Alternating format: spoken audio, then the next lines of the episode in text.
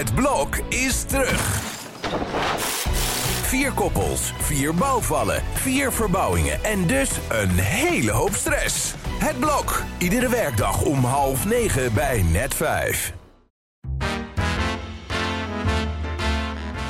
Dit is Strik Privé, de dagelijkse showbiz-update met Evert Zandgoeds en Jordi Versteegde.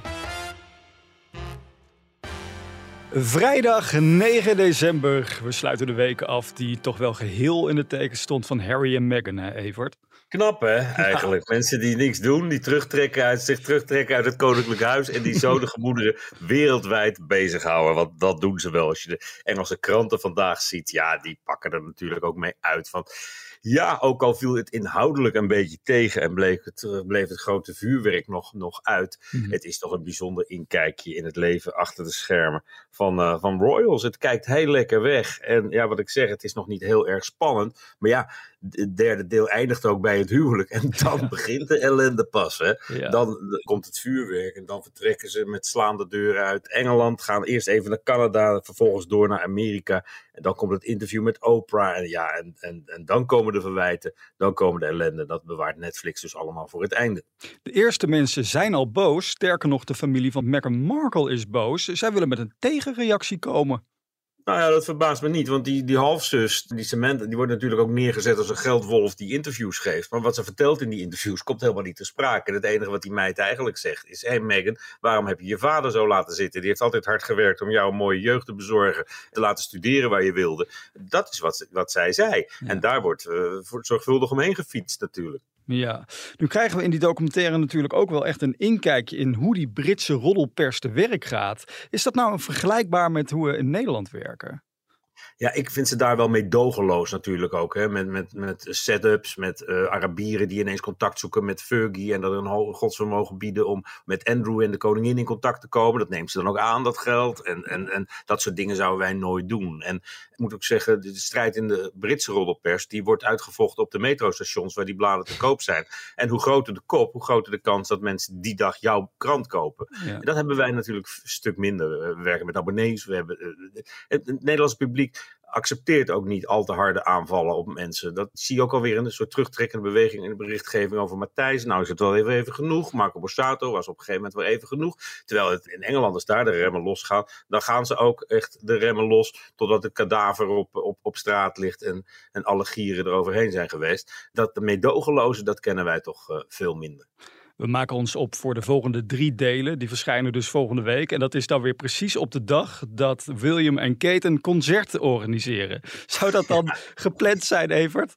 Ze hebben er in ieder geval geen rekening mee gehouden. dat was natuurlijk vorige week met, het, met de release van de trailer ook al zo. Oh ja. Dat de promo, dat, dat het een moment was waar zij zich heel erg op verheugd hadden, Catherine en, en William. Het was de eerste keer in jaar dat ze weer in Amerika kwamen. En wie was het voorpaginieuws? Zij met, zij met hun docu. Dus ja, dat leek in ieder geval wel een, een offensief te zijn. In ieder geval hadden ze er ook daar geen rekening mee gehouden. Dat eh zwager en schoonzus eventjes in Amerika zouden zijn.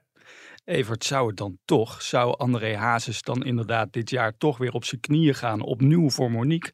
Want de eerste aanwijzingen zijn er weer.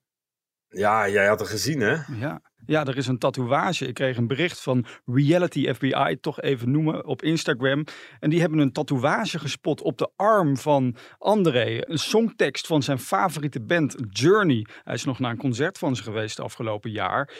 I'm forever yours faithfully staat daar. Dus zou Ja, dat iets met zonder naam. Dus het is Ja. wel inwisselbaar. En hij is wel heel forever yours faithfully geweest voor een heleboel mensen. Maar dat bleek dan toch tot een maand of twee beperkt te blijven. Ja. Dus ja, het is dat er nog plek was op die arm. Dat was al. eh, het is geen korte En eh, ja, we, we wachten het maar af. Ik zei gisteren al, kerst komt er weer aan. Dus eh, André is weer in Berkel-Rode reis te vinden.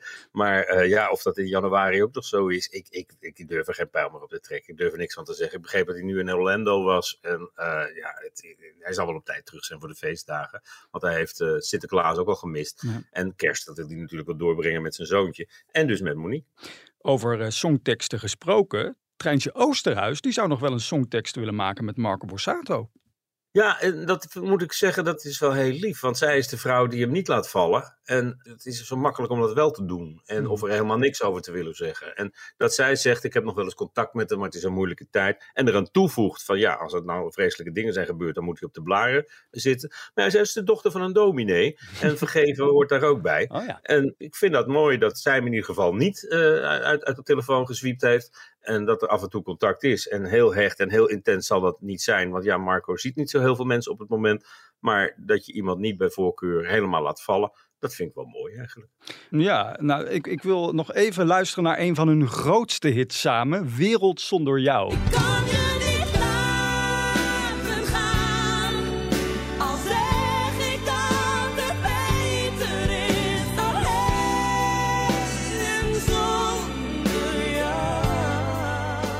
Zou mooi zijn als ze nog eens een keer zo'n klapper kunnen maken. Maar goed, dan moet het inderdaad eerst even wat beter gaan met Marco. Ja, en daar moet iedereen aan toe zijn, ook het publiek. Maar op een gegeven moment is dat misschien wel weer zo. En dit was niet het jaar van Marco Borsato, dat kunnen we wel zeggen. We hebben hem het hele jaar niet gehoord. En in 2023 zal er hoe dan ook verandering komen. Want ja, het Openbaar Ministerie zal zo langzamerhand toch ook een keer klaar moeten zijn met dat onderzoek.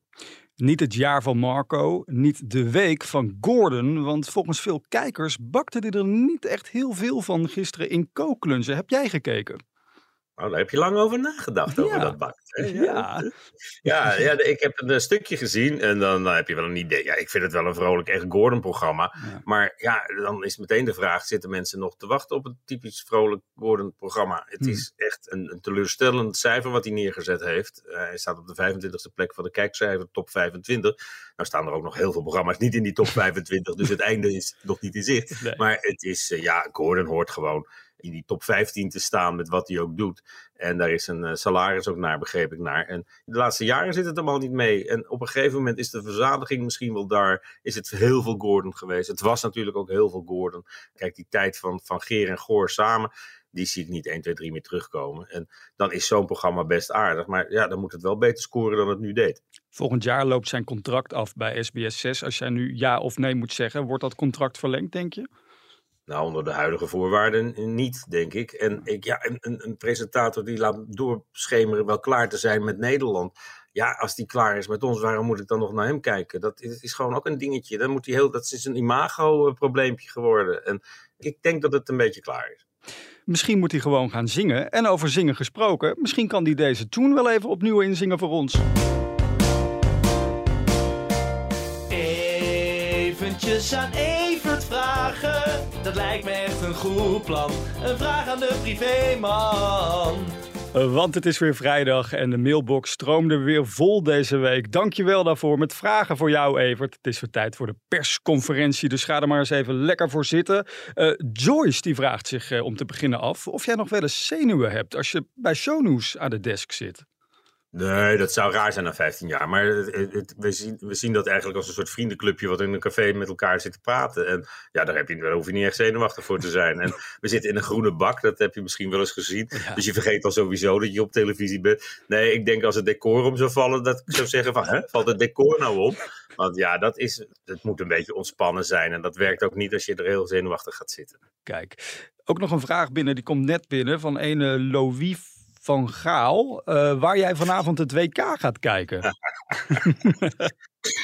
ik weet het nog niet, maar ik zal toch getwijfeld ergens tot te nemen. Ja. Nou, dan hebben we het de volgende week wel over. Hopelijk gaan ze door naar de volgende ronde. Voor nu zit onze week erop. Maandag zijn we er weer met een verse podcast. Heel graag tot dan. Mooi weekend allemaal.